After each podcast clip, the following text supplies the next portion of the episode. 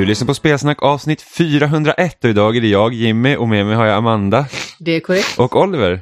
Mm, Det är också korrekt.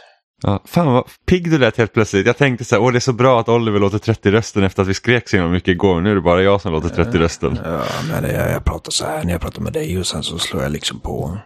Ja, men det är bra Oliver. Jag, Radiorösten. mm, jag gillar att du gick från att vara så här, jag låter så gammal till att tjena, nu kör vi. Hur är det med er ungdomar? Ja, är det bra denna precis. söndag? Ah, hur, hur låter det ute i etern? How do you do, Mm. fellow kids? Ja, precis. Nej, men vi har ju, eller jag, min röst är helt slut för att vi igår så spelade vi Mario Party Superstars allihopa tillsammans med Martin också och eh, det blev väl en hel del skrik antar jag. Eller antar jag, jag var ju här. Det blev en del skrik. ja. Blev lite grann ja. Du missade resterande skrik efter att du blev döv. Um, ja. Eller jag vet inte, vad menar du? Alltså det var ett skämt. Jo, jag förstod men jag hängde inte med. Om du sa antar jag. Jaha, okej. Ja, ja, precis, jag förstår. Haha, roligt. Jag är ganska så rolig på Ja, det viset faktiskt, det är lite roligt Det är synd det att ingen har upptäckt det någon gång. Ja, men det är lite synd. Eh, men vi kan ju börja där egentligen när vi ändå har kört igång med Mario Party Superstars. Det senaste spelet i Nintendos eh, långkörare av brädspel. Digitala brädspel.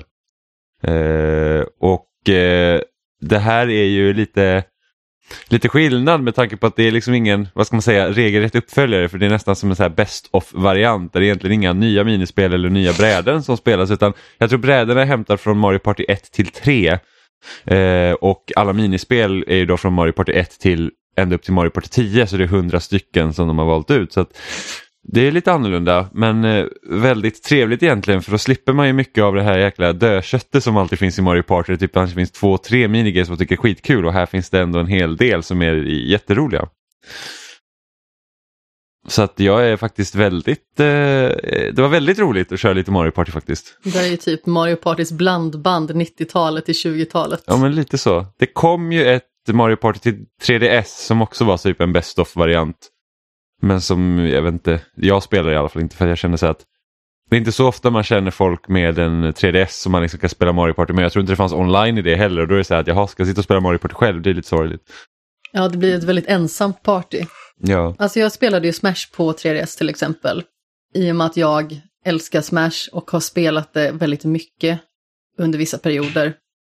Men att spela Smash för sig själv var liksom inte alls på samma vis. Och just därför skaffade jag inte heller Mario Party. Oliver du älskar väl Mario Party? Du, du hänger väl typ på låset varje gång ett nytt Mario Party kommer?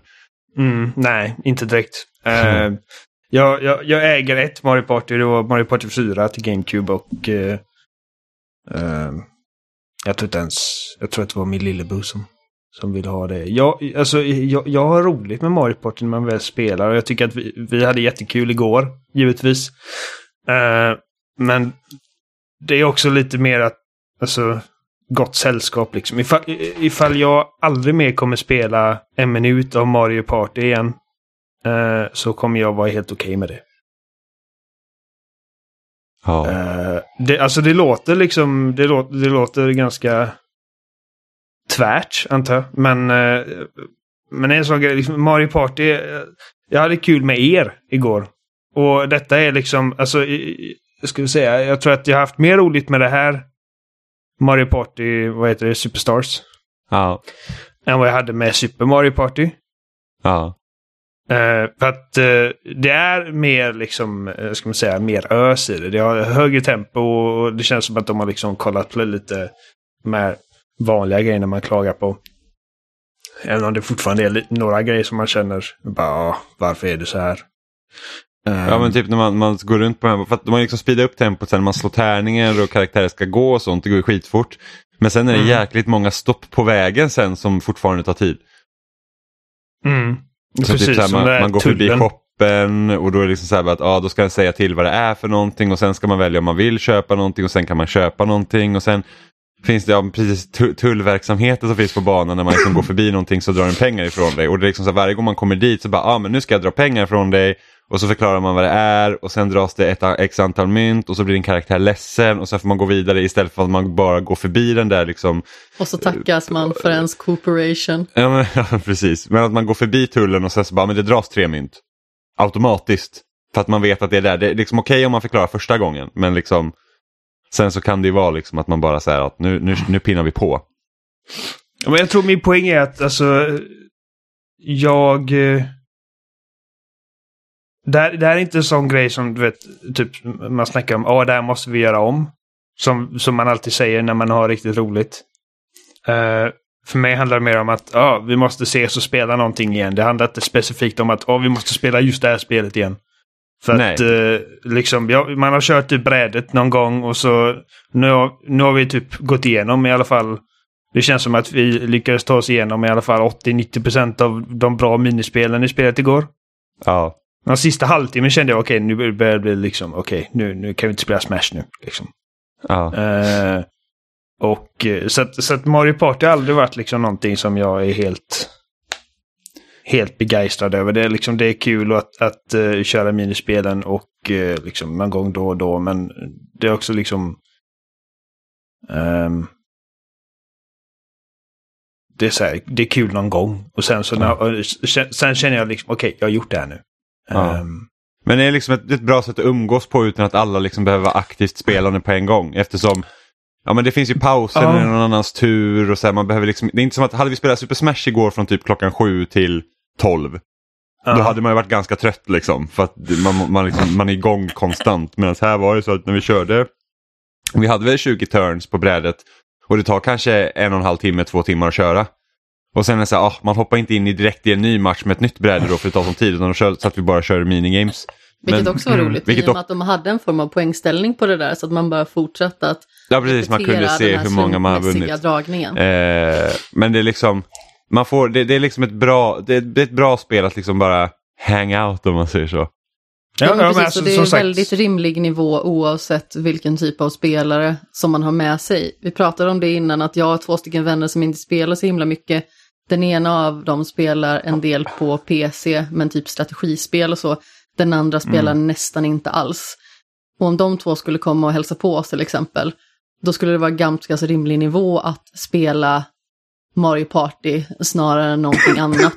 Nu har de liksom fått testa lite Towerfall till exempel när de var hos mig. Det var väldigt roligt för att det var i min förra lägenhet och då stod jag och lagade mat. Och när man står vid spisen så kan man liksom stå och snegla in då i vardagsrummet och de hade jätteroligt med det. Men eh, Mario Party är en väldigt rimlig nivå när liksom så många spelare av väldigt olika nivåer ska mötas. Absolut. Men om vi har liksom Nintendo sådana här tre stora sällskapsspel då, vi har Smash, vi har Kart och vi har Party. Då känner jag personligen att Party är väl kanske den som ryker först. Men det är fortfarande ett jätteroligt ja. koncept. Vilken hade ni valt om ni bara fick spela en av de tre resten av livet? Mario Kart, Smash, Smash eller eh, Party? Mm. Ja, Kart. Smash. Smash. Mm. Uh, men men jag, jag, håller med, jag håller med allt du säger Amanda. Och det, alltså, jag hade skitkul igår. Alltså det var, det var riktigt jävla, alltså, alltså fan man typ skrattar som man skrek liksom. Och det um, Ja, nej, det var kanonkul. Men, men det, det är också, det har, det har ganska mycket med sällskapet att göra också. Det är liksom... Mm. Um, jag vet inte, Mario Party är en sån grej som jag känner liksom att när jag, när jag har spelat det en kväll så är det typ okej, okay, nu, har jag, nu har jag spelat det här Mario Party, jag kan testa nästa Mario Party, men sen är det liksom... Det, det är ganska flyktigt. Um, medan Smash exempelvis, alltså det uh, Smash Ultimate specifikt kan jag liksom, det, det, det kan jag dra för liksom varenda gång man har sällskap. Det blir mm. aldrig gammalt tycker jag. Ja. Men det är liksom så simpelt i sitt koncept egentligen. Det är ju bara det att det finns massa olika banor och olika karaktärer, men själva grunden är ju alltid densamma. Du ska slå ut den andra personen. Sen så finns ja. det olika konstellationer och olika upplägg och sånt, men själva premissen är ju väldigt simpel. Och sen är ju grejen med Smash också att kan du spela en karaktär, eller vet du hur en karaktär fungerar så vet du ungefär hur alla fungerar, ungefär. Eftersom det är liksom, det är inte avancerade kombos du ska komma ihåg som är unik för den karaktären du är. Utan det är liksom så att du har din A-knapp, du har din B-knapp, du har liksom C-spaken eller liksom spaken och, och du dodgar. Liksom. Det, det, så fungerar alla karaktärer likadant. Sen så finns det mm. olika strategier beroende på liksom att alla har ju liksom någon, eller vissa karaktärer har ju någon form av gimmick som gör att man måste tänka lite annorlunda men liksom kör du med en karaktär sen så vet du ungefär hur resten fungerar också. Sen får man ju liksom öva sig in på dem också och det gör ju att Smash är så himla enkelt att hoppa in i även om du inte spelar så mycket. Liksom ett, ett, ett köra, ja, men som Martin till exempel som, som vi spelar med igår, han är liksom Alltså han spelar en helt annan liga när det kommer till Smash. Det är liksom helt sjukt hur duktig han är. Och, och vi kan liksom ändå ha kul tillsammans medan hade vi kört typ Street Fighter och han hade varit så ja, duktig på Street Fighter och ingen av oss hade varit duktig på Street Fighter då hade det varit skittråkigt för båda två. Ja, värdelöst. Ja, men alltså i Smash så kan man komma ganska så långt med att bara slå egentligen. Ja. ja. Och Vilket liksom, är grunden. Eh... Så här, hoppa, slå, jaga din motståndare. Det är ganska så simpelt. Även jag som är ganska så medelmåttig egentligen var ju kvar några gånger mot Martin och tänkte att det är lika bra att bara lägga sig direkt. det kommer aldrig gå. ja, Martin är, ja oh, fy fan.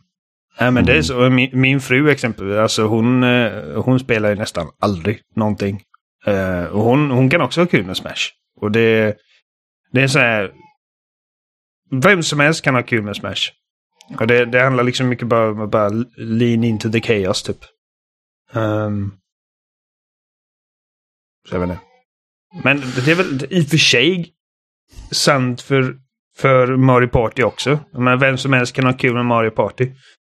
Ja, um, och det är ju ofta eh, liksom, det är ju ännu lättare. Liksom de flesta mm. har lite koll på hur brädspel fungerar och eftersom Nintendo nitiskt förklarar hur allting går till varenda gång man gör någonting så, så är det lätt att hänga med. Men sen är även minispelen rätt så simpla. Nu var det ju lite Eftersom de blandar så mycket minispel igår, de har liksom inte riktigt anpassade för liksom att ja, men, nu kör vi alla de här minispelen på den här konsolen så då fungerar alla likadant. Utan det kunde vara så att ja, men, någon gång så skulle man masha jättemycket på A och sen så kunde det vara en exakt likadan funktion där då skulle du snurra spaken istället. Och sen kunde det vara ett annat minigame så bara, ah, nej men nu ska du använda axelknapparna istället. Så det är så att man ser liksom typ hur de har tänkt vid varje generations Mario Party att det här är liksom grejen för den här, liksom typ Mario Party 2. Så bara, äh, men här, här använder vi typ L och R. För att det fanns.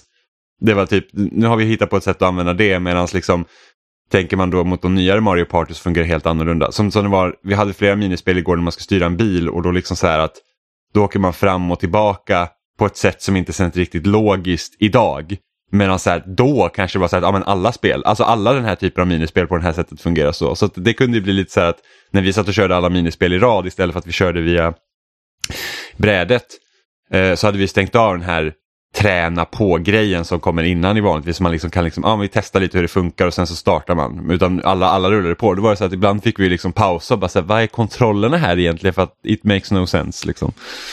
Ja men verkligen. Och det kändes ju liksom som att det kunde vara så extremt olika saker trots att vissa moment var superlika i sitt utförande. Vilket kunde vara ganska stressande när man tänkte att ah, men det här borde vara så här. Jag tror att det var det här när man ska ha dragkamp till exempel och då fick jag ha den här gigantiska Bowser-dräkten på mig och ni var tre i ett lag. Då tänkte jag ju direkt att ah, men här ska man trycka på knappen. Ja. Och sen så var det helt plötsligt snurra ja, där, stickan. Där ska man snurra på stickan ja. Och det var ju typ en grej med... Och så snurrar jag åt fel håll. Och de älskade ju det var ju något som Nintendo älskade i första Mario Party. Det var att snurra på stickan för att åh, vi har en analog spak. Låt oss ta sönder våra Nintendo 64-kontroller nu för att vi ska ha lite kul i Mario Party. Liksom. Eh, så att, eh, så att lite sånt får man ju böka med. Det är inga problem så, men det är liksom ganska kul att se ändå hur, hur utvecklingen gått. Eh, sen är det här också det första Mario Party som det finns online-spel vid launch. Och där testade du och jag att spela med, tillsammans med Stefan och Filip eh, i fredags när det släpptes. Och det, är liksom, oväntat bra. Det fungerade jättebra. Det, var kanske lite, det kunde vara lite laggigt i något eh, minigame där man var ganska precis på att hoppa men annars liksom var det så att det fungerade väldigt bra och det, det kändes ganska det är inte samma sak som att spela Mario Party online som att sitta bredvid varandra och spela. Det, är liksom, det blir liksom inte samma känsla men det var ändå kul att kunna liksom sitta med ett par kompisar liksom över, ja, men över online. Som man liksom tänker att det borde ju gå i alla spel idag men inte Nintendos. Så det, det var också kul. Så det kan jag tänka precis. mig så här att om jag någon gång säger att ah, men fan, jag ska bara vilja sitta och lyssna på podcast idag jag vill inte spela något som är superavancerat. Då ska jag säkert bara kunna hoppa in i ett random online-spel och köra lite Mario Party. Liksom. För det, det kan vara ganska rogivande. Det tror jag att, att jag kanske kommer göra. Filip den skurken, han drog oss vid näsan. Ja, ja, det var något, det finns ett memory game i Mario Party Superstars där man liksom säger att du får se en hylla eh, som har två plan med massa objekt på sig och så ska du memorisera vilken ordning de ligger på. Och sen så har det typ kast, så här, flera saker liksom har de kastat ner på golvet och så ska man lägga upp dem på rätt plats. Eh, och Filip hade tagit kort med sin mobil. För att komma ihåg det medan vi andra så här... Fast Hur det fan- roligaste var hur ju fan liksom fick- att han satt och var så himla nöjd också och vi gav honom beröm. Ja, ja. Och sen bara, jag tar kort. ja, för att det var så här att jag fick alla rätt, vilket är helt fascinerande för att jag har så dåligt minne. Ja, men Och fuck fick you, alla rätt. dåligt minne. Du fick alla rätt igår också. Ja, jag vet, det är helt Hur? otroligt för att jag, jag är jättedålig på sådana här saker. Jag vet inte hur det gick till. Men eh, jag kommer ihåg i alla fall och det var så här typ, och jag bara, ah, men fan jag fick alla rätt och Filip fick alla rätt och han bara, jag tog kort. och man bara, okej. Ja, och Stefan var ju vidrig i vanlig ordning. Ja. Va, men alltså nu när vi liksom, vi körde ju nästan alla minispel igår. Eh, vi, var det någonting som ni tyckte var typ, det här är det roligaste?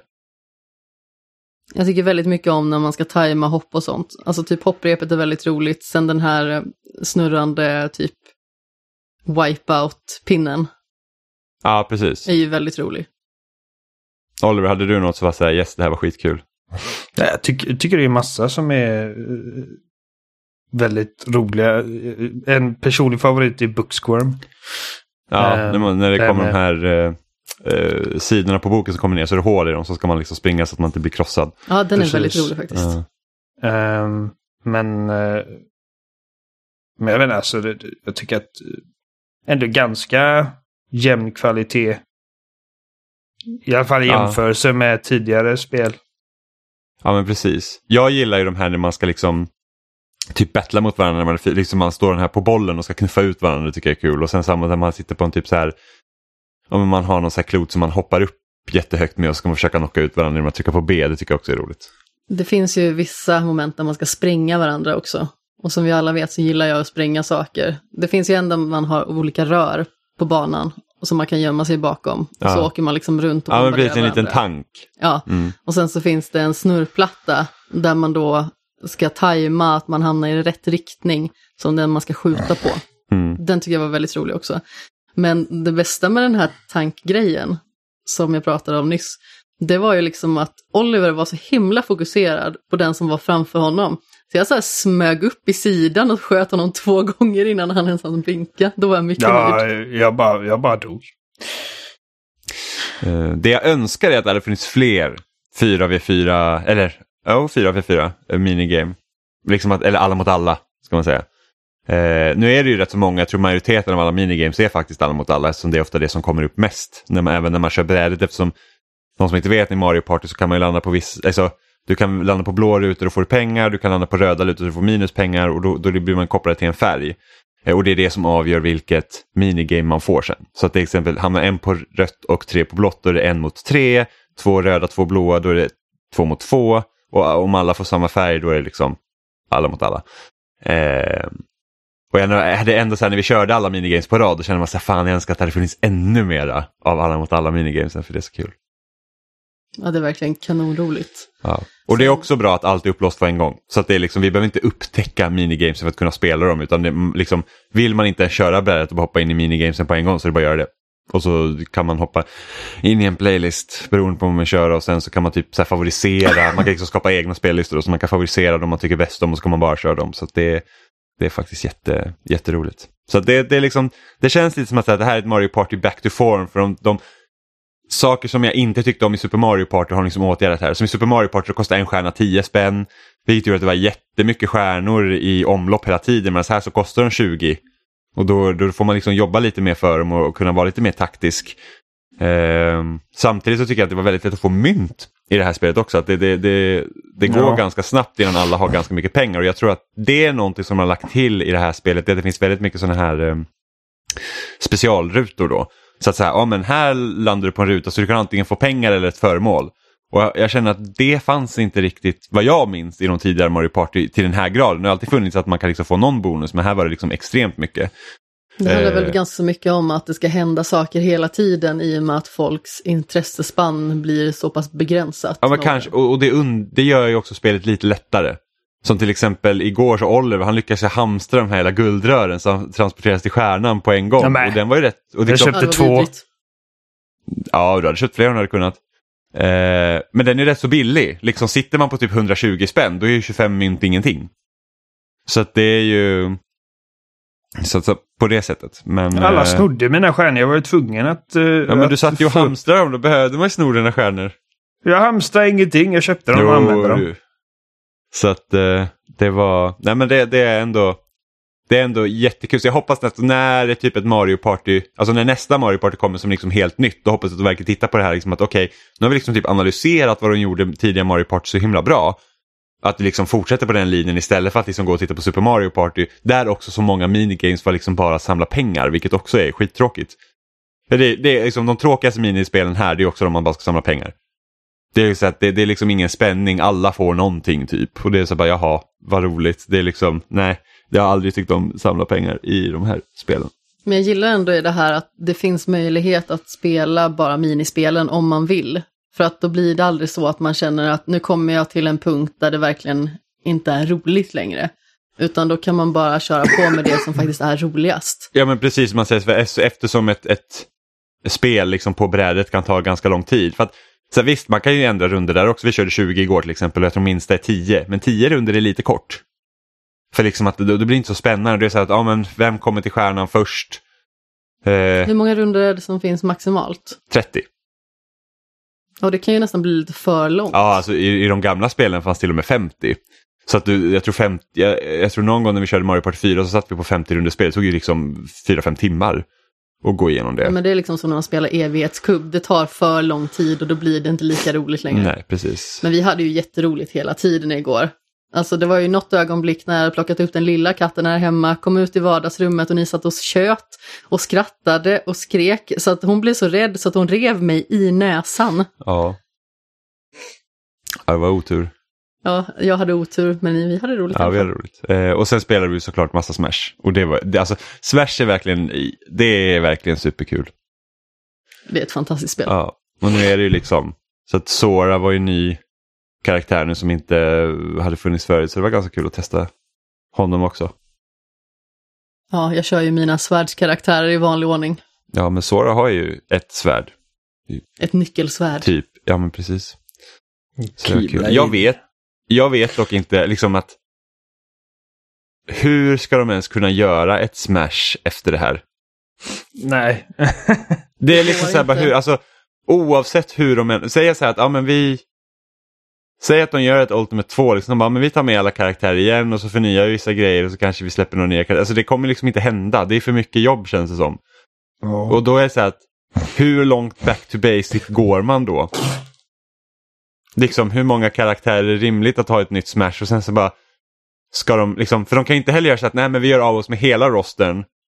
Och så har vi bara karaktärer vi aldrig har varit med förut. För att liksom ha ett Smash utan Mario eller typ Link det är liksom det är omöjligt det också. Och Det är är det inte att, gångbart för att då tappas ju viss del av igenkänningen. Ja men precis, så att då är det så här att hur fan gör man ett nytt Smash efter? Eller så att de bara, men Ultimate det är liksom, det är Smash Ultimate så att varje gång vi släpper en ny konsol då kommer det, det bara, vi bara portar Ultimate och så får de spela det. Men alltså, de har ju verkligen tagit namnet och eh, skapat en känsla kring det. Det känns ju som att det här verkligen är det ultimata Smash. Ja. Det enda jag skulle kunna tänka mig att de skulle kunna göra är ett mer engagerande berättelseläge i så fall. Och det har de ju försökt. Alltså, Jo, typ, jo, men alltså de försökte. Jag tyckte inte det var så himla tilltalande. Jag tyckte snarare att det var roligt i Melee när det fanns de här, eh, Adventure Mode tänker du? ja men precis, Mm. äventyrsläget och klassiskt läge och sådär. Ja, ja, jag tyckte också Adventure Mode i, i, i, i, i min lead, det tyckte jag var bäst. Jag spelade det jättemycket. Ja, samma här. Men sen så i Brawl så hade de ju ett storyläge med liksom väldigt fina cutscenes och sådana grejer. Eh, och anledningen till att de inte ville göra det då i, i Wii U-versionen var ju det typ att nej men alla cutscenes läckte så vi tyckte det förstörde så att vi tänker inte försöka det igen. Och man bara men hallå, det är inte som att alla världens människor sitter på nätet och bara så här, kollar efter typ videofilmer på Smash. Men de försökte väl någonting, kanske inte just berättelseläge, men någonting i den stilen på Ultimate också. Jag har inte spelat det så jättemycket. Ja, nej, men det var inget, kändes jag inte att det var jättespännande. roligt. Och sen just Brawl, jag tror att det är det Smash-spel som jag har spelat absolut minst. Och det var ett spel som jag väntade på väldigt länge för det fanns något form av så fabrikationsfel. Så att vissa av de här skivorna gick inte att läsa på vissa olika sorters Wii-maskiner. Så när jag väl kunde spela Brawl, då hade jag redan en Wii U. Mm. Och då kändes Brawl faktiskt lite gammalt. Alltså det kändes inte lika fräscht som att spela Melee, trots att Melee är mycket äldre. Så Ja, men, eh, mm, när alltså, man väl liksom spelade Wii U-spelet så kändes det ju som när man rörde Melee för första gången lite grann. alltså jag tycker Brawl kändes ju gammalt redan när det kom. Ja, men alltså jag spelade ju Eh. inte när det kom. Jag Nej, spelade nej, ju jag- typ, vad var det, 2016? Jag förstår det, För men jag jag kunde menar... inte spela det innan dess på grund av att min Wii inte tog själva spelet i och med att det fungerar Precis. inte. Men du sa att när, när du väl fick spela så kändes det gammalt och jag bara, jag förstår det. För att, Jo, jo, men alltså om jag lyfter Det- upp alltså Melee, då tycker inte jag att det känns så gammalt. Jag menar, det är ju ett ganska så gammalt spel vid det här laget. ja, Jo, men det är väl bra eller så långsamt jämfört med Melee. Det, det är den största skillnaden, det är att det, det är segt att spela. Alltså, det var någonting med det som inte kändes rätt heller. Jag kan inte riktigt sätta fingret Nej, på men det, vad. det är för att det är så, det är så långsamt. Alltså det är så att typ den snabbaste karaktären i Brawl är typ lika eh, snabb som den långsammaste i Melee. Jag tror det är det största som gör att mamma säger "Ugh, det känns som att man går i sirap nästan. Ja, och sen så, just det spelet till 3DS, det fungerar jättebra. Men där var ju problemet att det är ju inte samma sak att spela själv.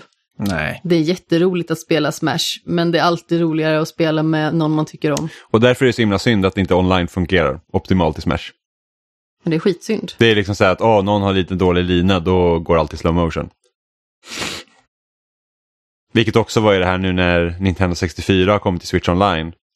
Och jag var ju så här, när vi pratade om det sist, jag var så här, ja men det har varit skitkul liksom att spela Mario Kart 64 online. För att jag älskar ju Mario Kart. Och online där är liksom trasigt. För det är typ, är det någon som sitter på sämre uppkoppling, då går till och med typ så här musiken och sånt också och hackar och i slow motion och ingenting funkar. Det är bara, vad roligt.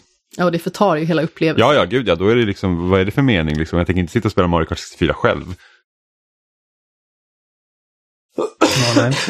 Ja, men jag förstår vad du tänker Jimmy, för att alltså, jag, jag, jag avundas inte de stackars jävlarna som kommer liksom få i uppdrag sen och bara ah, gör nästa smash. Och bara, hur fan, vart börjar man ens? Alltså, det, alltså- det är nästan omöjligt att göra någonting annat än att bara ta med alla igen. För att folk kommer bli missnöjda annars. Ja, eller så måste man liksom göra så här. Alternativt att man liksom så här, ja, vilka var med i typ det första Smash? Och så gör man de karaktärerna radikalt. Ja, men Liksom nästan att det är typ, så här typ att- reboota serien typ. Ja, ja men precis, det är så här att, ja men så här fungerar Mario tidigare i Smash. Han har inga av de här movesen längre. Eller liksom typ, han är kanske mer agile som han är typ i Odyssey eller någonting sånt. Man måste ju tänka om konceptet. Så att det, ja, det ska bli spännande att se. Sen vet man inte, liksom, det har ju inte kommit ut ett... Alltså Mario Kart 8 är ju snart 10 år gammalt. De liksom har inte fått ett Mario Kart på hur länge som helst. Nej. Så man vet ju inte hur det ser ut. Liksom, om nu en Switch 2 kommer och, och den är helt bakåtkompatibel med Switch då kanske det inte ens finns... Då kanske de känner att det inte är så nödvändigt för att de har Ultimate. Kanske de bara skickar ut en typ 4K-uppdatering eller någonting sånt. Som om de ska göra det i Nintendo, men ändå. Så att det, ja, det, men vi får se. Men Oliver, du hade ju spelat lite Crisis. Mm. Apropå gamla spel. Hur känns det att spela, eller ja, du har väl börjat med Crisis 2 antar jag, för du spelade väl Crisis Remastered förra året när det var nytt? Ja. ehm, så- men så det var, först när, eh, det var först när de släppte den här uppdateringen som... Jag vet inte om, jag tror inte det var en sån här Series X-uppdatering, men det var någonting de gjorde för att eh, liksom låsa upp eh, PC-inställningar och grejer på eh, Nanosuit Optimization. Eh, Jag kommer inte ihåg, men ja. Ja, okej. Men, men Eh. för jag kommer ihåg, för vi spelade Crisis 2 när det var nytt 2011 liksom, och, och tyckte det var rätt så bra. Hur känns det tio år senare liksom? Nej, inte lika bra. Nej. Vilket eh, jag inte förväntade mig att det skulle kännas heller. Eh, så att eh, jag, var, jag var beredd på att okej, men det här, det här kommer... För mig är det mest kul att spela Crisis. Eh, både ettan och även tvåan och trean liksom eh, med i 60 bilder per sekund. Och liksom, för att de spelen är fortfarande riktigt jävla snygga. Det finns liksom, de, de är snyggare än de flesta spel som släpps idag. Um, så när, när de kom och jag som konsolspelare fick spela liksom 360-versioner med typ 20 FPS. Och uh, sub 720p. Um, ehm, det är verkligen dag och natt. Så att nu är det liksom som att man har fått spela Crisis som det var tänkt att spelas ungefär. ja. Så det var trevligt. Um, sett till... Alltså, jag är glad alltså, över att var... tvåan och trean uh, nu finns. För att jag kommer ihåg när jag spelade uh, ettan till uh, ja, remaster nu senast. Jag bara, det hade varit nice att ha liksom alla spelen. Och, och för att uh, de är rätt kul. Um, vad skulle du fråga? Nej, jag bara tänkte, vad är det som gör att de inte känns liksom lika bra mm. som du minns det? Alltså nanosuiten tycker jag fortfarande är en kul idé för, mm. för en shooter. Det är liksom att man uh, går mellan så här, stealth mode och armor mode och de här grejerna. um, det är väl lite så att uh, för jag kommer ihåg att jag tyckte liksom att den här typ semi... Alltså ska jag, ska jag inte säga öppna bandesignen men alltså de... Eh, tvåan... Ettan är ju jätteöppet. Ja. Det är som att varje bana är nästan som en liten liksom mini open world nästan. Ja, precis. Det känns som att du kan liksom utforska hela ön i en level. Även mm. om du inte kan det. Liksom. Precis. Eh, och tvåan fick mycket flack för att de liksom gick ifrån det lite. Men de, de banorna är fortfarande liksom bra mycket mer öppna än vad din liksom genomsnittliga Call of Duty-bana är exempelvis. Mm. Så att... Eh, och jag, jag, uppskattar det för att det kändes, jag vet att du och jag liksom sagt det hundra gånger, men det kändes lite som Halo, liksom. Halo-bandesignen. Liksom att det, banorna är liksom linjära och de... Man börjar och slutar alltid på samma ställe, men det är liksom sättet du tar det dit är inte alltid samma. Ja. Um, och uh, jag kommer ihåg jag tyckte det var jävligt coolt uh, då. När var detta? 2011 tror jag. Ja, precis. Ehm, hur man kunde ta upp liksom sina kikare och så hade spelet liksom markerat ut olika taktiska möjligheter för dig. Uh, det känns ganska, uh, ska man säga, uh, billigt idag. För att nu är det liksom som att du har liksom, ja, du, du, går in i ett nytt område och så säger liksom en rubbe, eh, gubbe bara tactical options available, bla bla. Så tar man upp sina kikare och så får man så här utmarkerat bara, åh, här, kan, här finns det ett hål i väggen du kan gå in i. Ja. Äh, eller här finns det turret du kan ta, eller här finns ammo du kan ta, eller jag menar, liksom det bara står mitt på skärmen bara flank. Ja. Eller eh, ascend om det är en stege någonstans liksom. Vilket är... Ah, det, det, alltså... Det är som att de liksom pekar ut.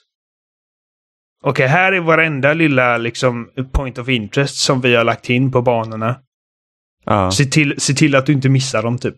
Medans jag idag då um, tio år senare, hade, jävla tio år sedan Crisis 2 kom. Um, kan, känner lite så liksom att ah, men det hade varit coolare om man kunde få upptäcka de grejerna själv. Mm. Uh, och uh, ja, även det, alltså. Jag undrar om inte det gjordes lite i sån här typ för att nu är vi så van, alltså open world är typ standard nästan. Mm. Oavsett vilket spel det är idag. Och då var det så här att vi har gått alltså från Call of Duty Shooters där så att du spelar den här nivån på det här sättet. Mm. Du kanske kan välja vilket byggnad och sånt du går in på men annars är det rätt så linjärt. Och här var det så här, titta möjligheterna liksom. Du ja, behöver precis. inte springa dem ut och stackare så måste vi visa det. Och det är säkert så här liksom, eh, sån där playtesting-grej, liksom att folk bara, ah, men jag, jag visste inte att den fanns där och, och jag bara gick rätt på och de, okej, okay, vi måste liksom Uh, det, det, det, det, ligger garanterat något i det. Uh, men, men som sagt, det har hänt en del på de här tio åren. Mm. Och uh, det känns lite gammalt liksom. Att allting, allt spännande som finns på banan är liksom utmarkerade. Ja. Uh, varenda lilla vapen, varenda lilla ammolåda, varenda liksom allting alla fiender dyker också upp. Um, så man kan markera dem. Ja just det, det här var pre-Far Cry Mm. 3. När man liksom Ja, kunde... ett år innan. När, var all, när man alltid kunde typ så här. Här är ett fiendeläge, nu kan du markera ut allt. Innan du går Mm. in.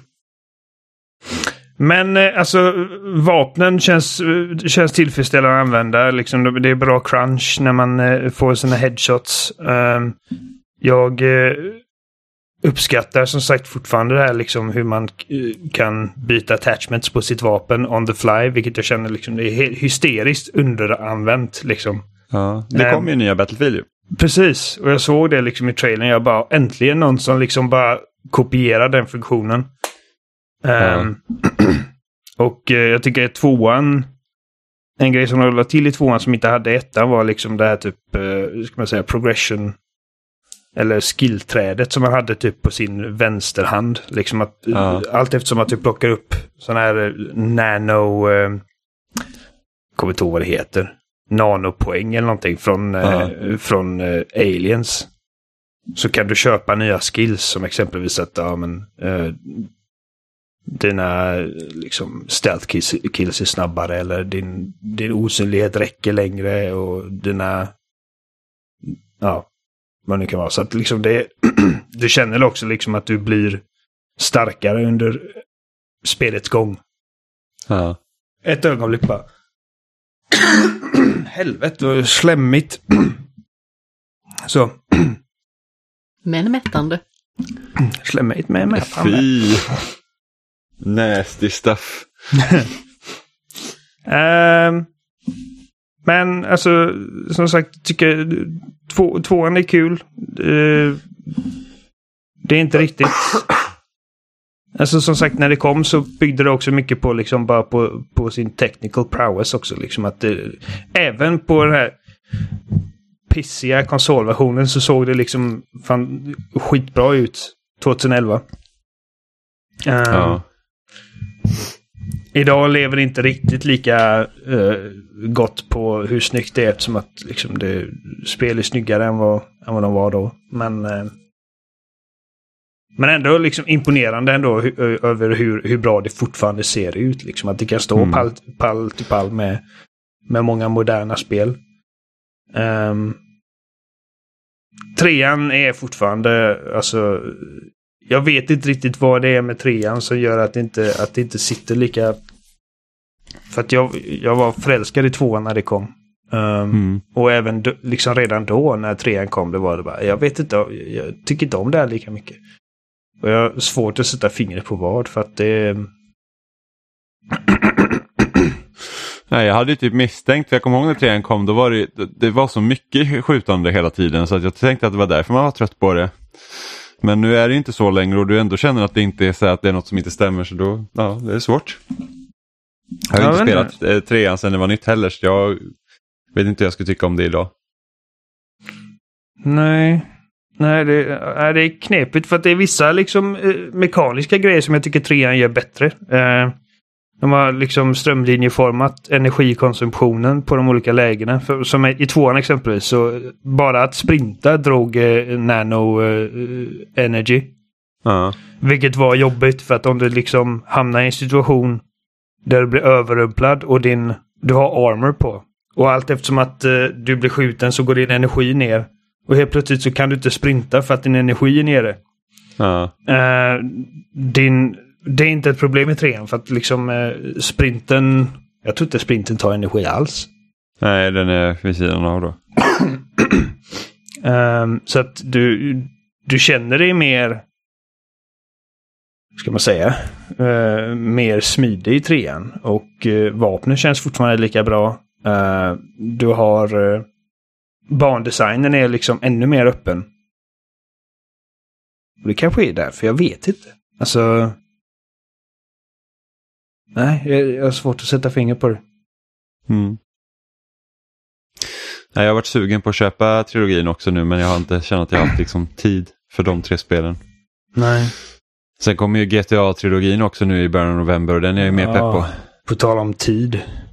Ja, men precis. Och jag spelade de här spelen förra våren. Alltså 2020. Ja, ja men jag med. Jag med. Det var, det var inte Nej, alls länge sedan jag spelade dem. Och jag är ändå rätt så pepp på att dra igenom alla igen. För jag bara, åh, de har liksom, jag- det, det ser mycket bättre ut. Eh, alltså det är ordentliga visuella uppgraderingar och sen så ska ju liksom skjutandet ha moderniserats så det känns som ett modernt skjut. Liksom, pang, Har de sagt liksom. det eller är det bara... Nej, alltså det ska liksom, de har, det ska typ vara GTA 5 style shooting liksom. Jaha, Sen vet inte ja. jag om de har även kvar viss lock-on då. Så jag kan tänka mig att det kanske känns som en mix mellan GTA 4 och 5. Men det ska de ha fixat. Det är liksom enhanced shooting mechanics så att det ska ju vara och det är det som är typ det största problemet med de äldre spelen, det är att det är jävligt svårt. Alltså spelet är inte svårt för att det egentligen är svårt, det är svårt för att man krånglar med kontrollen. Eh, så vet det- inte, det alltså, ser jag fram emot. Jag, jag, jag tycker inte, alltså jag känner att det är liksom en sån här vanesak för mig när jag spelar de grejerna. Att liksom varje Ja, gång ja. jag startar upp de spelen efter, efter att inte ha rört den på några år så är det bara åh fy fan, just det, lock-on. Och så är det typ en timme och sen så liksom är det sitter som en smäck. Förutom en trea Ja, ja. möjligtvis. Ja, det känns gammalt. precis. Det är, det är trean för att trean är så här att oavs- alltså ofta är det när man dör i trean så är det på grund av att det är någonting som fuckar upp när du ska skjuta något.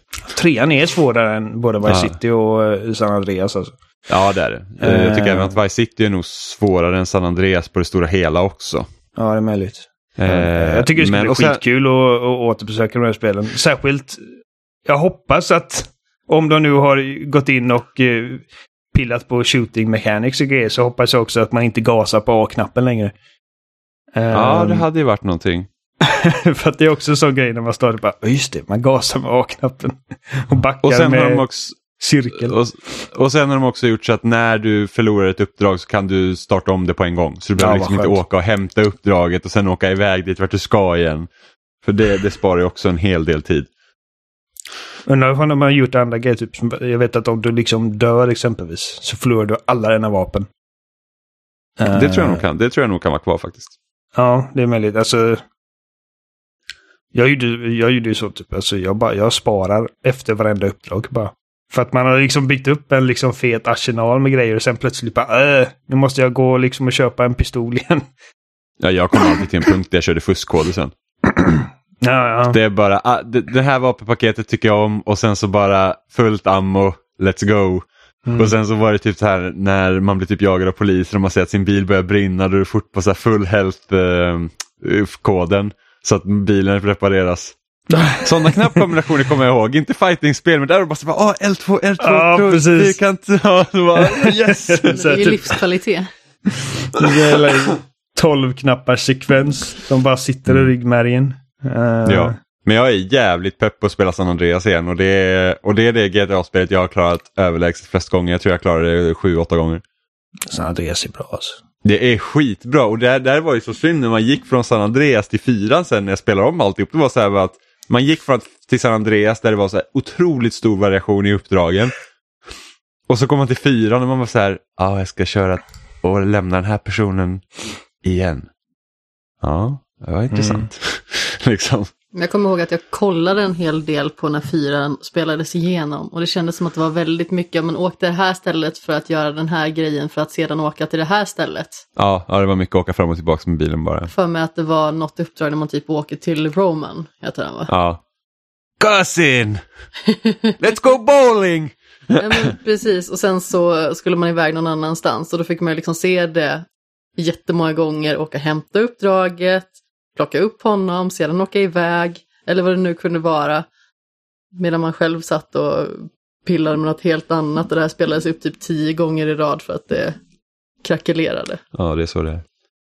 Men, men ändå jävligt pepp. Jag tycker att de har gjort ett bra, bra jobb också med att, hur det ser ut. Det är liksom inte som att de har gått så här på realism utan det ser ju ungefär ut som...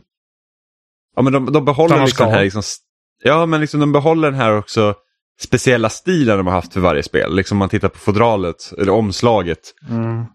Så, så tycker jag liksom, speciellt om man tittar på trean där liksom den karaktären, han ser ju liksom inte ut, han ser ju inte ut som en människa som typ, ja men i GTA 5, men han ser ju ut som Nej. en, en, liksom en cartoonig version av en människa. Så det, det, det tycker jag också ser riktigt bra ut. Jag har hört blandade grejer om det. Alltså jag vet att det är många som tycker att Tommy Vercetti ser ut som skit i det nya.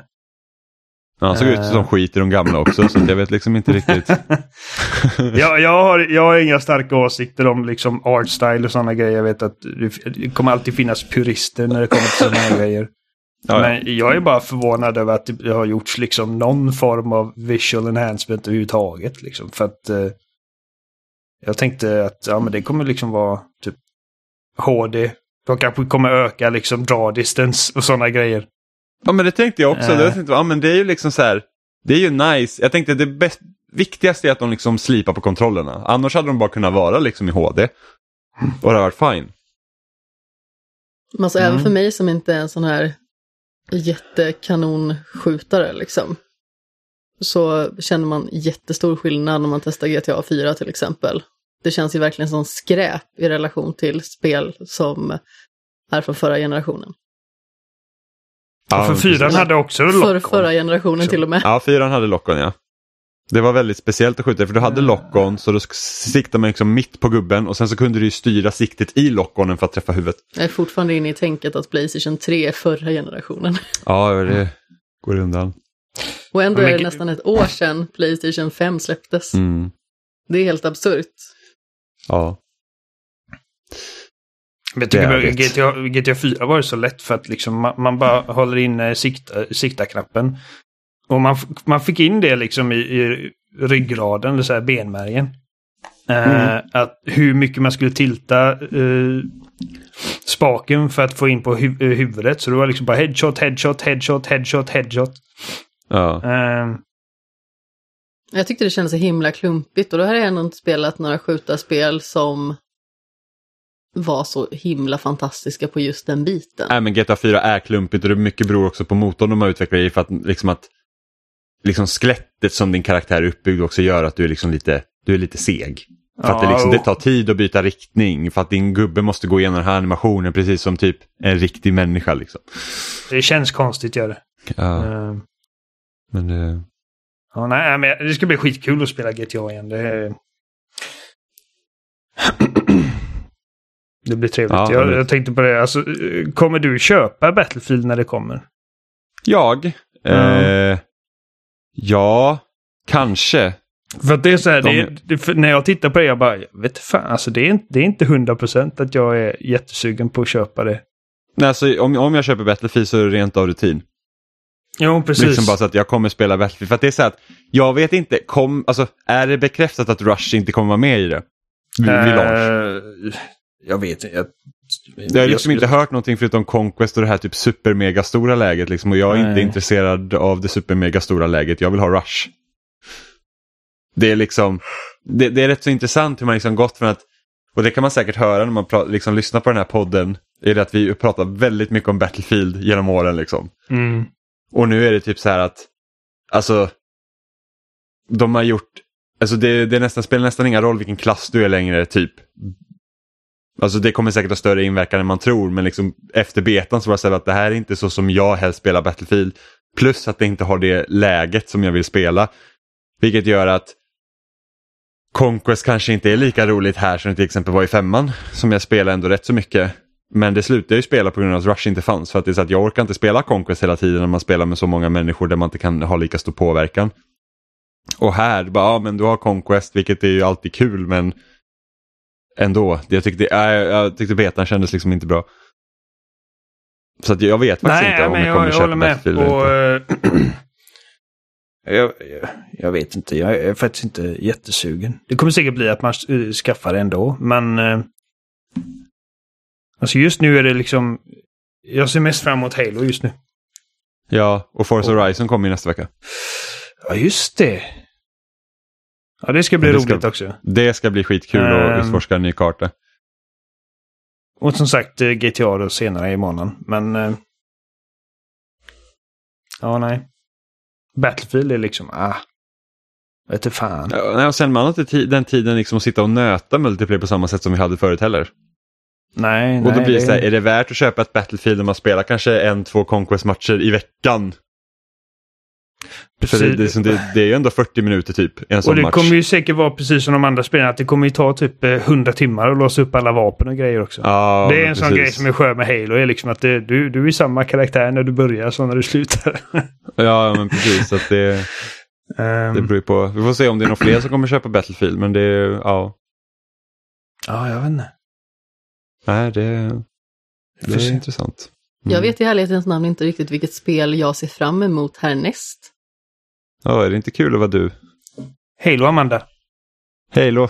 Jo, men naturligtvis så ska vi spela Halo tillsammans. Men jag tror faktiskt att det nästa spelet som jag vet att jag ser fram emot är Horizon och det kommer i februari.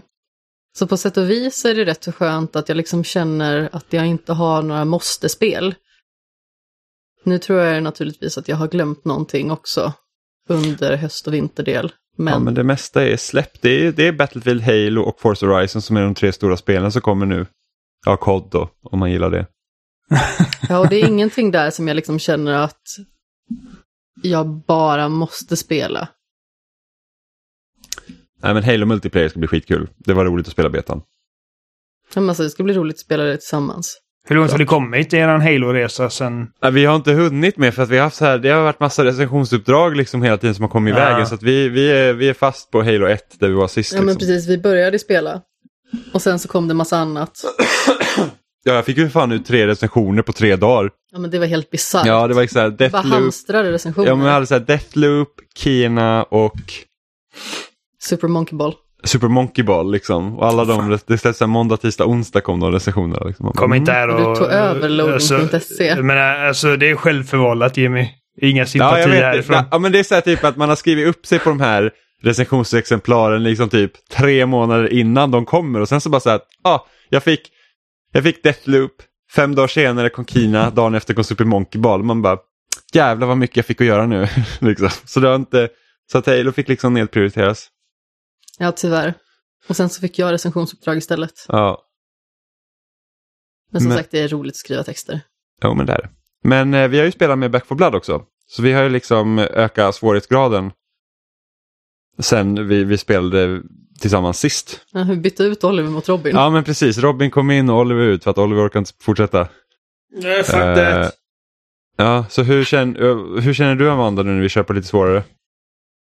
Jag känner att ett, fasen vad dålig jag är. Och jag känner att två, fasen vad svårt det är.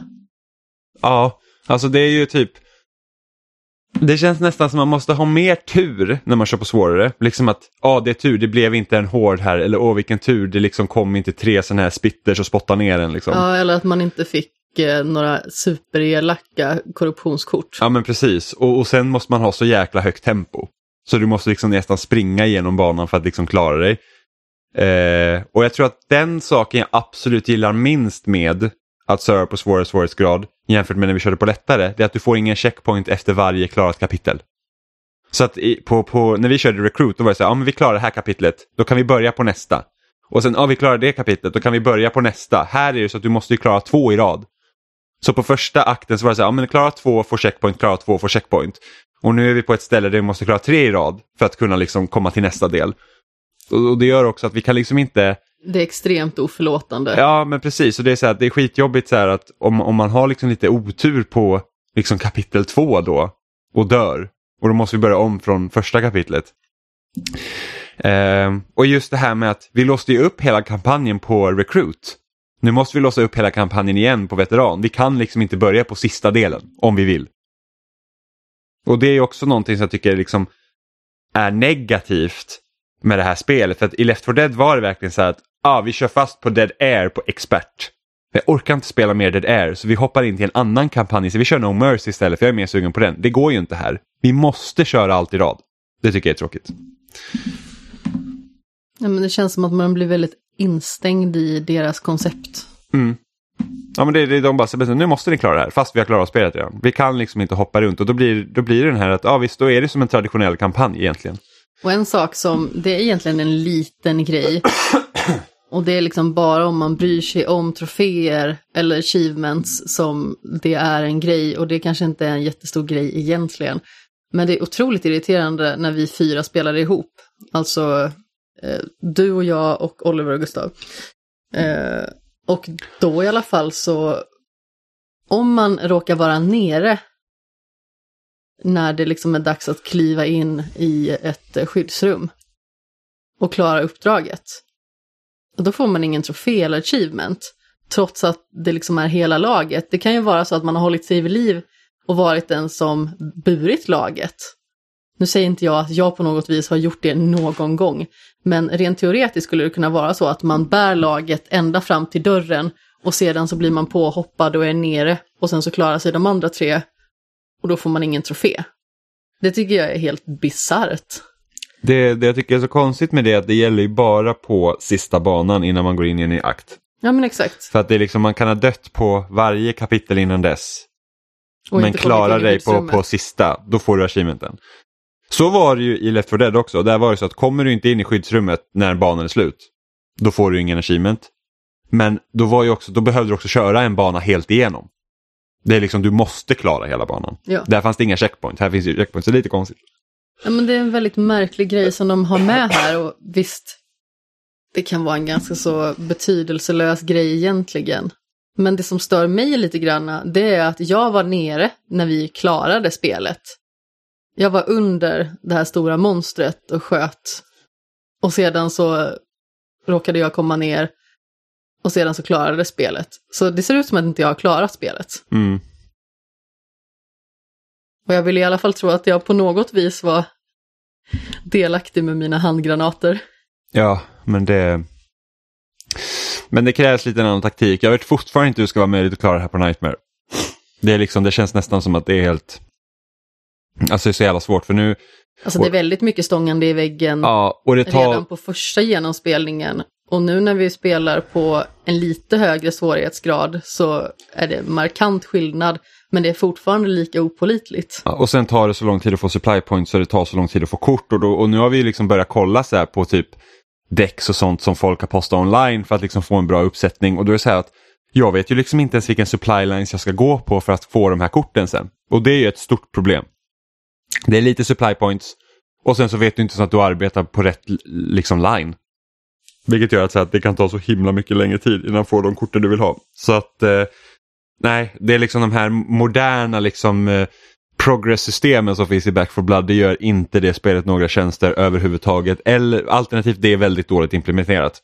Det hade varit alltså- annat om man hade kunnat se så här, ja men går du på den här linen, då, det här är liksom nästa line, eller de här korten kan du hitta i de här supply lines sen så du vet vad du ska arbeta mot och nu är det så här bara att nej, du får liksom hoppas på att du liksom kommer rätt. Ja, men alltså det gäller ju att vara en trägen för att få det som man vill ha. Men problemet är att spelet uppmuntrar en inte att vara det. För att det känns som att spelet bestraffar en hela tiden istället för att belöna en. Och varför skulle man vilja spela det här spelet så oändligt mycket mer då? Alltså vi har ju spelat över 20 timmar någonting. Ja, gud, jag, jag tror nästan snart uppe i 30. Ja, då är jag förmodligen också det. Ja, Men det är ju mest för att vi spelar tillsammans. Jag skulle ju förmodligen inte sätta mig och nöta det här på egen hand. Kanske enbart för att ta de där sura troféerna. Ja. Liksom. Bara för att eh, jag blir irriterad på spelet. Men jag skulle förmodligen inte sätta mig och nöta för att kunna få fler poäng så att jag kan köpa fler kort. Det känns liksom som ett ovärdigt sätt att spendera min lediga tid. När jag spelar med er så är det ju kvalitetstid med er samtidigt. För att då är vi ett lag, då gör vi saker tillsammans, vi sitter och drar gamla lumparhistorier, alltså på den nivån är det ju. ja. Men det är inte lika roligt att spela det själv och det är inte samma sak. Och även att det är roligt att spela tillsammans så är det ett spel som är ganska så tjockskalligt och som sagt orimligt oförlåtande. Ja. Ja men det, blir inte, alltså, det ska bli intressant sen när vi spelar Left 4 Dead och du får se hur det är. För det är också oförlåtande men det känns inte på samma sätt lika orättvist. Nej men alltså jag kan tänka mig att Left 4 Dead är lite mer oförlåtande på ett sätt som äldre spel är oförlåtande. Alltså man har ju spelat många riktigt gamla spel som är oförlåtande för att de är äckligt svåra.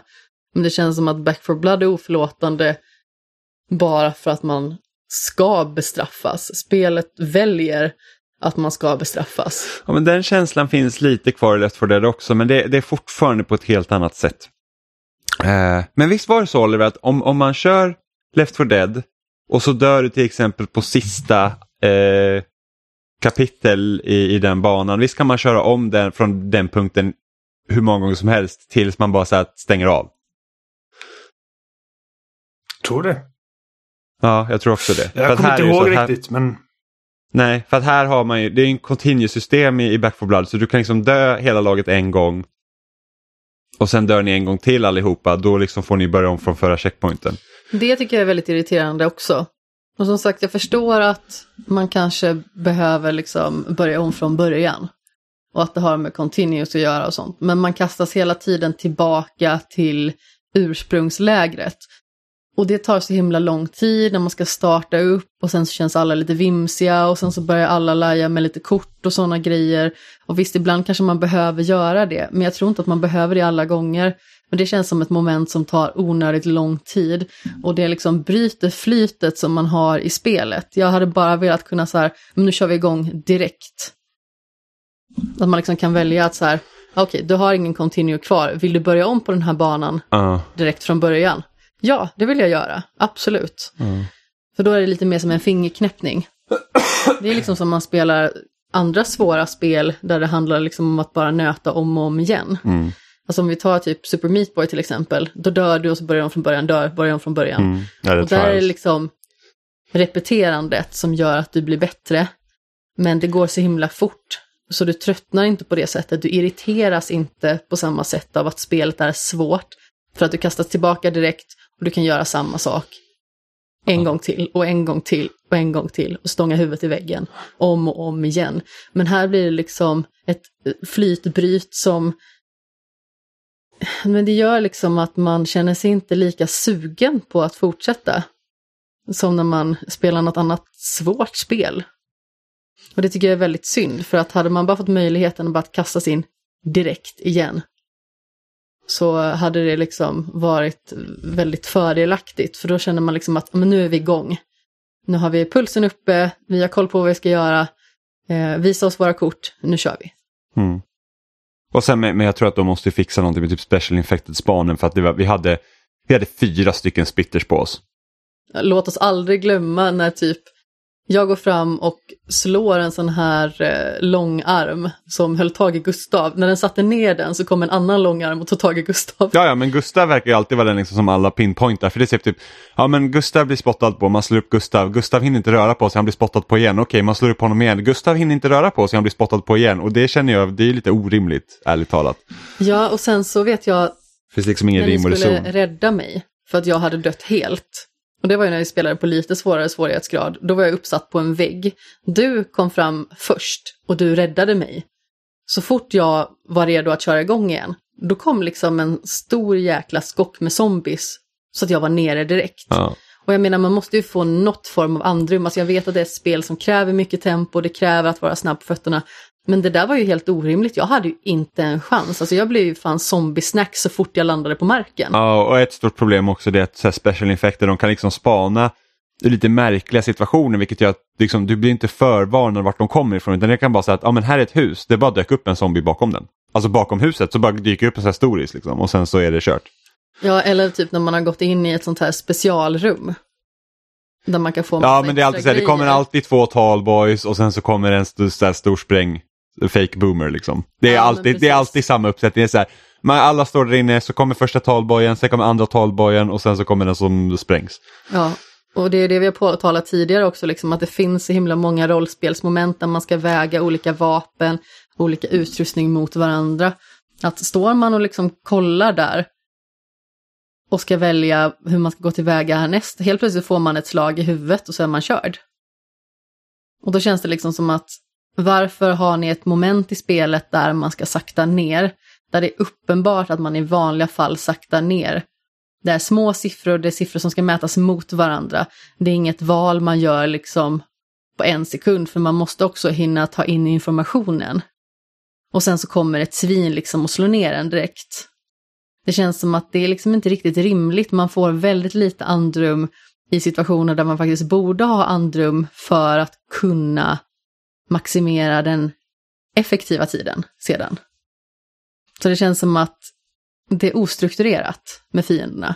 Det är precis som jag sa när vi pratade förra gången om det här spelet att nu har inte jag spelat Left 4 Dead, men utefter hur jag hör er prata om Left 4 Dead så låter det som ett spel som har en struktur som är förståelig även om det är svårt och oförlåtande.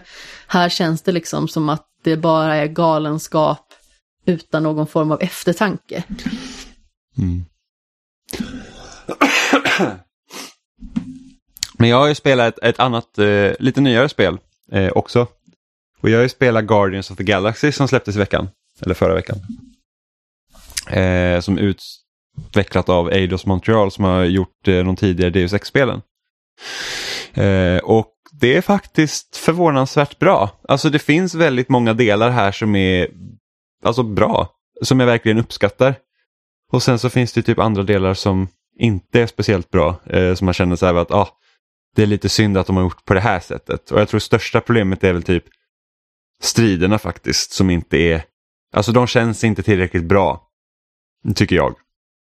Eh, Starlord springer väldigt märkligt. Ja, det ser men- ut som att han liksom är del i ministeriet för fåniga gångarter. Ja, men det, det är inga problem att styra karaktärerna så. Eh, det är bara att jag önskar att han vore lite smidigare för att man är ju, så man spelar ju som Starlord och sen har du dina andra Guardians som du liksom kan ge kommandon till vad de ska göra. Så att de har ju liksom också egna förmågor så kan man säga att ja, men, typ Rocket använd den här förmågan på den fienden eller Groot gör det här på den här fienden. Så man liksom delar hela tiden ut eh, uppmaningar till vad de ska göra och sen så går de på en cooldown som det brukar göra liksom i vanliga så här rollspel och sånt. Ehm, Men på ett tekniskt plan måste jag bara säga att spelet ser väldigt bra ut. Ja, ja men det, det är verkligen jättefint att titta på.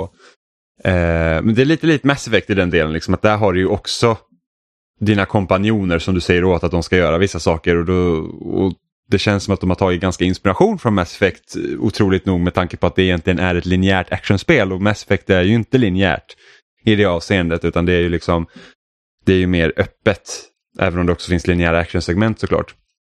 Men här så har du ju en, du har ju liksom en story som går liksom från början till slut med liksom att det är inte som att jag har mitt skepp och sen kan jag åka till den här planeten eller den här planeten utan du följer liksom en, röd tråd. Um, och sen så har du dina Guardians. Och det är liksom typ men jag tror att det är ju så att, att det, det, det är ett litet klumpigt system så för att, för att det, är ju så, det spelas ju som en shooter men du har lock-on på för att träffa fiender och den lockar ofta fel. Eh, det, är liksom, det är inte ett jättebra tryck i vapnen heller, så det känns liksom inte riktigt bra att skjuta i det. Vilket gör att sidorna blir väldigt så här, de känns lite tafatta och liksom att de är bara där för att de måste snarare än att åh vad kul det är en strid, nu ska vi liksom skjuta massa fiender. Det är liksom inget Gears eller ens Uncharted.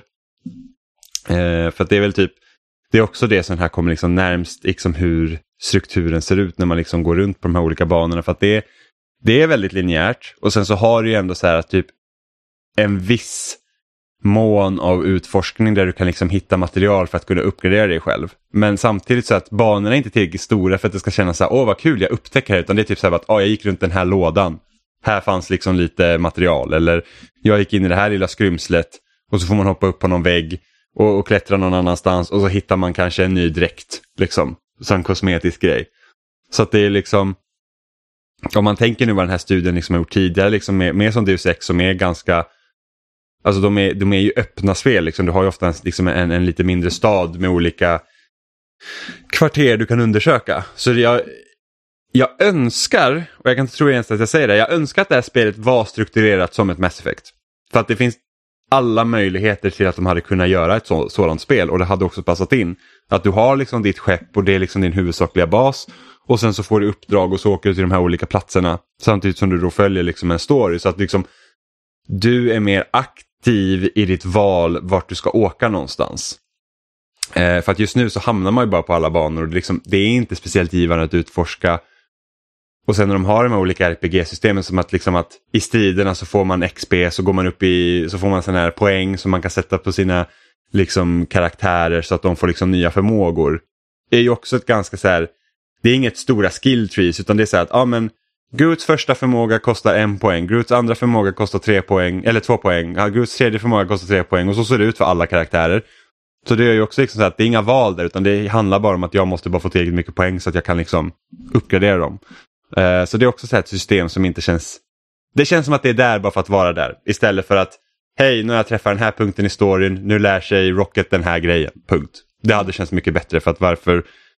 Liksom, det kommer ju ändå ta ungefär lika lång tid att låsa upp allting även om jag säger att visst jag har valet att välja vem som ska få uppgraderingen men det är liksom det, det är liksom inte, det känns mer som att det är bara där för att vara där.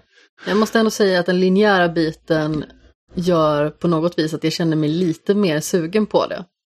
Alltså jag vet att det kanske låter som en väldigt tråkig grej, men det hade känts väldigt skönt med ett sånt spel just nu. Jag vet att jag tyckte att det var fantastiskt skönt när vi spelade Rift Apart. Alltså visst hade vi spelat jättemånga Ratchet Clank-spel på rad. Men i liksom den nya spelvärlden som vi lever i egentligen så kändes det väldigt skönt med ett spel som Rift Apart som verkligen var så energiskt och även att det fanns delar som såg mer öppna ut och man kunde hitta mer saker så var det liksom inte ett öppet spel på det viset.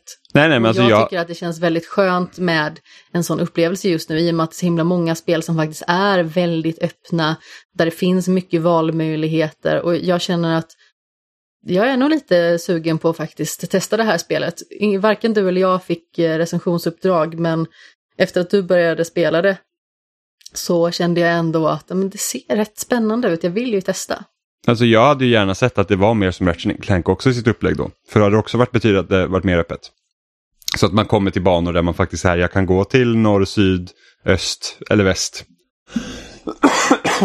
Istället för att Bara gå fram. bara gå framåt. Eh, och då hade det också gett lite mer mervärde till att faktiskt, oh, men jag kan utforska också om jag vill istället för att här kommer jag till det här fyrkantiga rummet och jag kanske kan hitta en lufttrumma och gå igenom för att hitta en grej. Det är liksom, det, det är bara, det känns bara som onödigt fluff. Det är lite typ som... Jag kanske är Batman-skadad, men det är ju så jag oftast eh, gillar spel. Ja men Batman är också öppet. Alltså det är ju också öppnare än vad det här är. Det här, Ja, känns, det det här känns som typ första Uncharted utan klättermekaniken liksom. Det är liksom så hårt linjärt. Okej, det kanske låter lite sorgligt. Förutom att, det loss... ja, men förutom att det låtsas att det inte är lika linjärt bara för att du kan kanske flytta på en grej och hoppa upp på en annan plattform för att hitta någonting som du kan uppgradera dig med. Men vad tycker du om berättelsen då? För den måste ju också ha någon Eh, plats i det här. Absolut. Eh, jag tycker att de har fått till Guardians väldigt bra. Alltså jag känner ju inte till källmaterialet mer än filmerna och, och liksom det vi har sett i MCU och det kan jag ju tänka mig att det är många andra också som liksom kom i kontakt med Guardians här. Jag har inte läst eh, serietidningarna.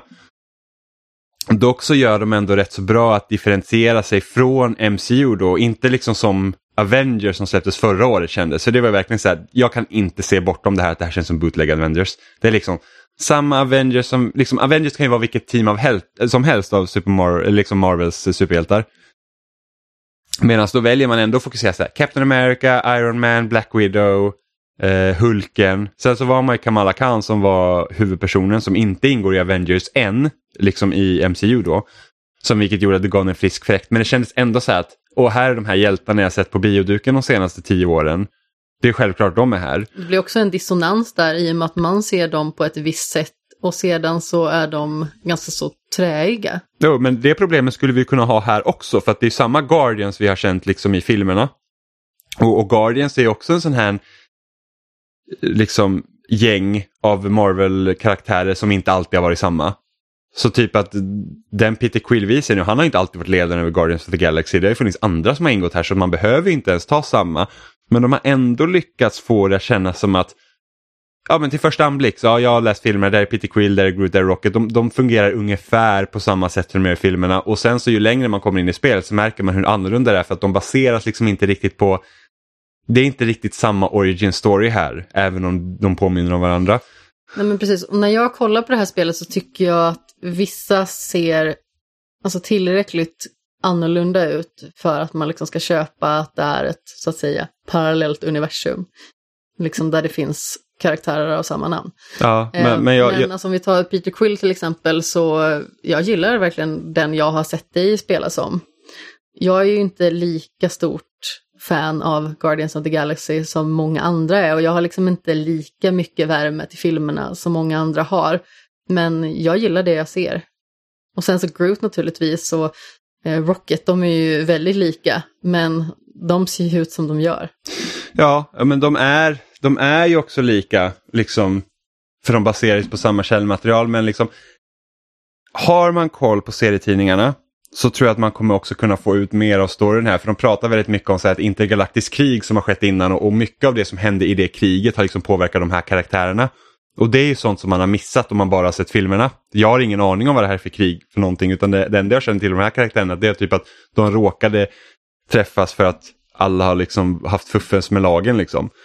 Ja, men jag tycker Eh. att det är väldigt skönt att man försöker göra någonting som tar avstamp i någonting lite mer eget eller någonting som tar avstamp i någonting som är lite mer smalt. Om vi säger då gentemot den gemene mannen. Liksom. Ja, alltså, jag kan ju bara säga att de gör det om jag jämför med filmerna. Sen vet ju inte jag hur, liksom, hur populär serietidningen är, vilket jag kan tänka mig att den är ändå rätt så populär. Men om vi Eh, tar Spider-Man till exempel som ett perfekt exempel på hur man tar en seriekaraktär och gör den kanon i ett spel så uppskattas ju den Spider-Man av såväl de som kanske bara har sett filmerna som riktiga serienördar. Så det är ju sånt som jag tycker är så himla fint när det känns som att man hittar någon form av gyllene väg där man kan tilltala många personer för att karaktärerna är välskrivna, eh, berättelsen har någonting intressant och sedan så har liksom själva mekaniken något särskilt att bjuda på. Skillnaden med Spiderman dock, det är det att vi har sett så många olika versioner av Spiderman. Medan så vi är Guardians... vana vid att se Ja, men precis, versioner. Guardians har vi Precis. liksom bara fått, alltså det är filmerna från 2014 och sen vet inte jag hur lång ni- den här runnen av, den här versionen av Guardians of the Galaxy, jag vet inte hur länge den har gått i serietidningarna. Jag är faktiskt lite sugen på att också spela Telltale-spelet. Jag hittade det Ja. typ för en hundring eller någonting på nätet. Och det är ju ett annat problem, det är det att mycket av Peter Quills liksom relation med hans mamma här går också igen i Telltale-spelet. Ah, jag förstår. Så att jag har ju liksom sett det här, vi har ju spelat Telltale-spelet, så liksom typ viss del av Rockets berättelse fanns i Telltale-spelet, viss del av eh, Peter Quills berättelse finns i Telltale-spelet. Sen minns inte jag hur det var med Gamora och Drax, men vi känner till liksom att Gamora är ju liksom Thanos styvdotter. Det, det är liksom jag bara så. Drax har dödat Thanos, det är så. Ehm, så där återgår det ju lite. Eh, sen så Har Drax har de ju- dödat Thanos? Ja, Drax dödar Thanos i serietidningarna. Ehm, så det är därför han kallas Drax the Destroyer. För att han är liksom typ helt... men Han är liksom galen. Drax är min favoritkaraktär i det här spelet. Jag tycker att han är skitrolig. Och det, liksom, han är precis som i filmerna, du vet, så han fattar liksom inte när folk skojar med honom. Han tar liksom allt. Liksom, det är så här, säger du så här, att ah, men solen är grön och han bara nej solen är inte alls grön, den är gul. Det är liksom, han är den karaktären.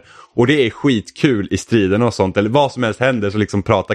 För att det är Varför låter som... det som att jag och Drax har väldigt mycket gemensamt?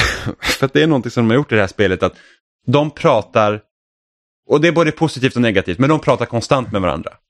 Alltså det känns som att du är ute liksom på ett uppdrag med liksom ditt team så att säga. För de, de pratar, det är hela tiden, alltså de har skrivit så mycket dialog för det här spelet, för de, de pratar jämt. Det är liksom så här, vad man än gör så pratar de med varandra.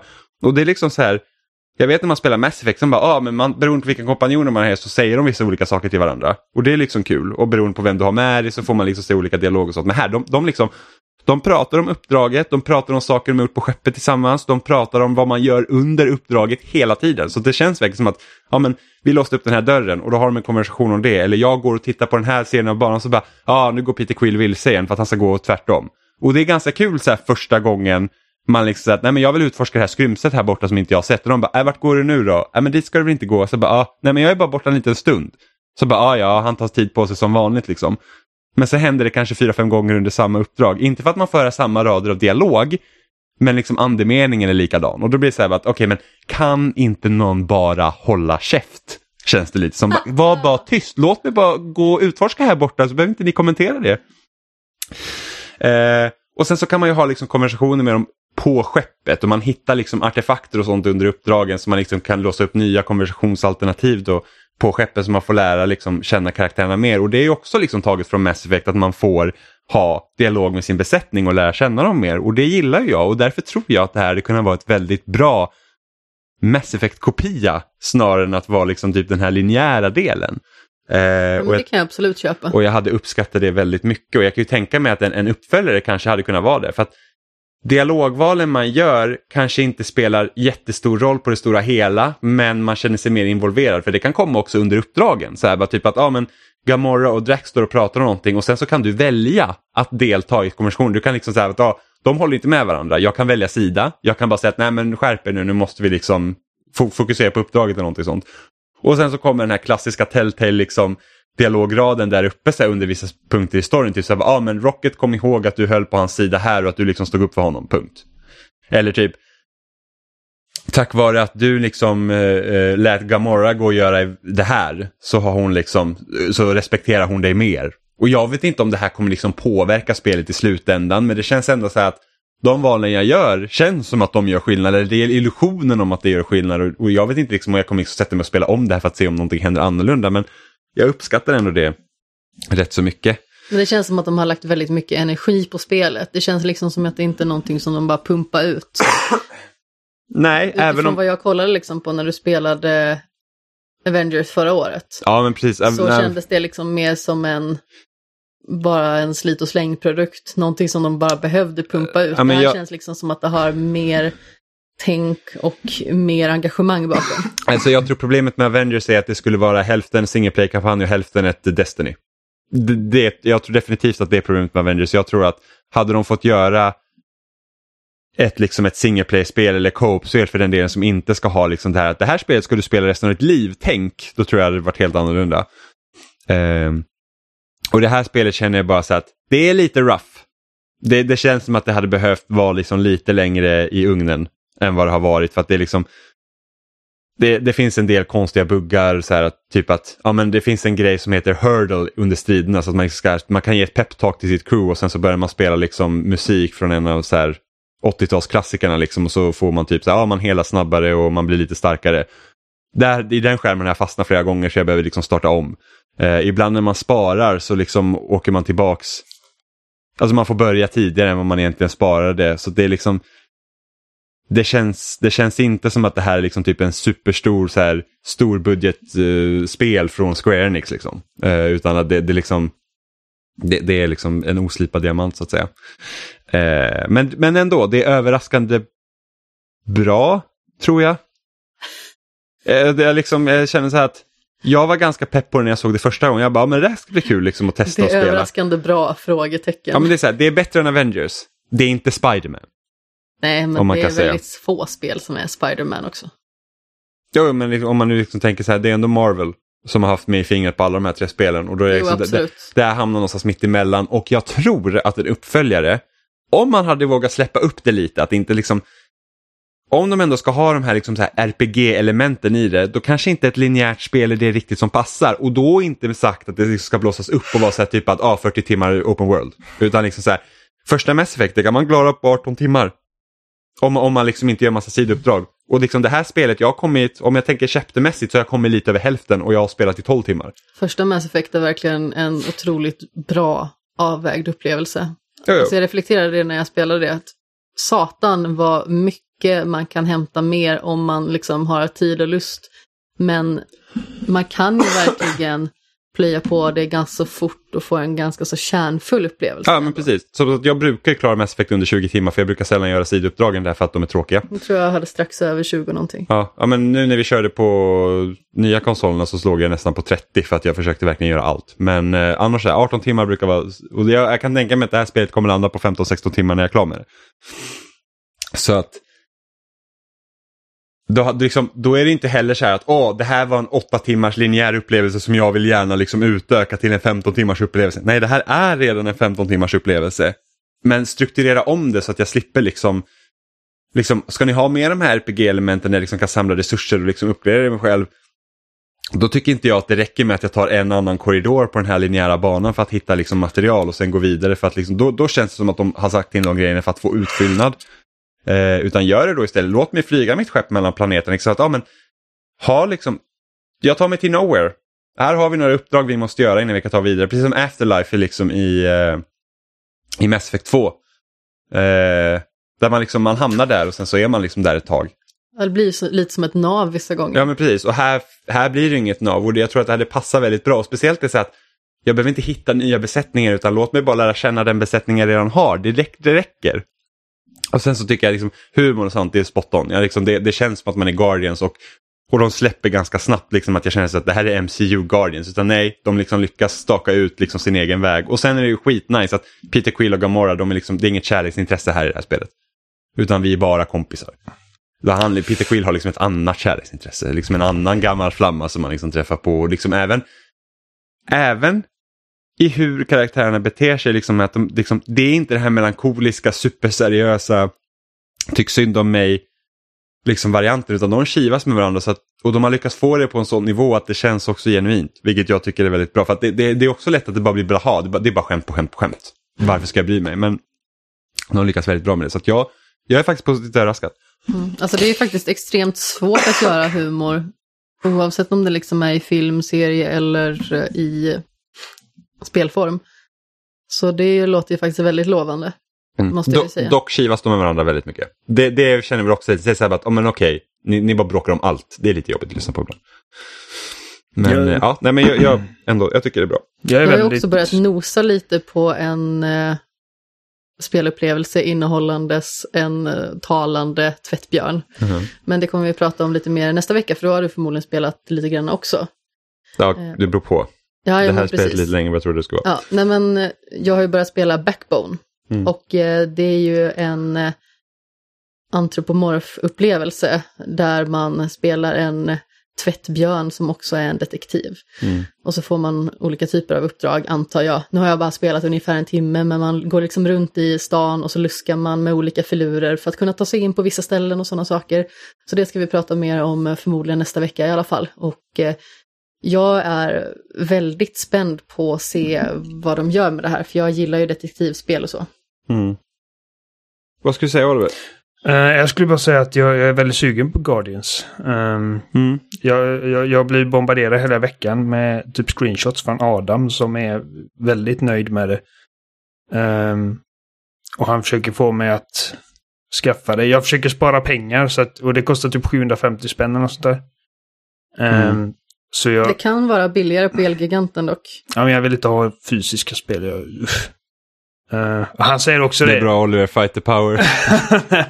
ja, men bara eh, massa plast. Bara, eh, planeten behöver inte Massa- mer plast. Eh, Byta skiva, blä. Ja, resa mig från soffan och nej, fuck that. Särskilt nu när min son trycker på alla knappar så att det är liksom, det är typ största anledningen Jag, till tr- jag trodde du skulle säga något helt annat. Det var såhär, åh inte resa mig från soffan, för när jag reser mig från soffan, punkt, punkt, punkt. Ja, Jag nej. fattar inte. Eh, nej, men mi- min, min unga han, han älskar att trycka på knappar som låter och eh, både Playstation och Xbox har ju knappar som låter för att mata Mm. ut skivorna. Så jag kan inte ha skivor i längre. Eh, Ja, okej.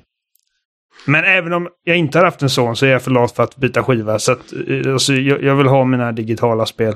Ehm, Adam bara, alltså jag betalar halva åt dig ifall du köper det, det fysiskt. Jag bara nej.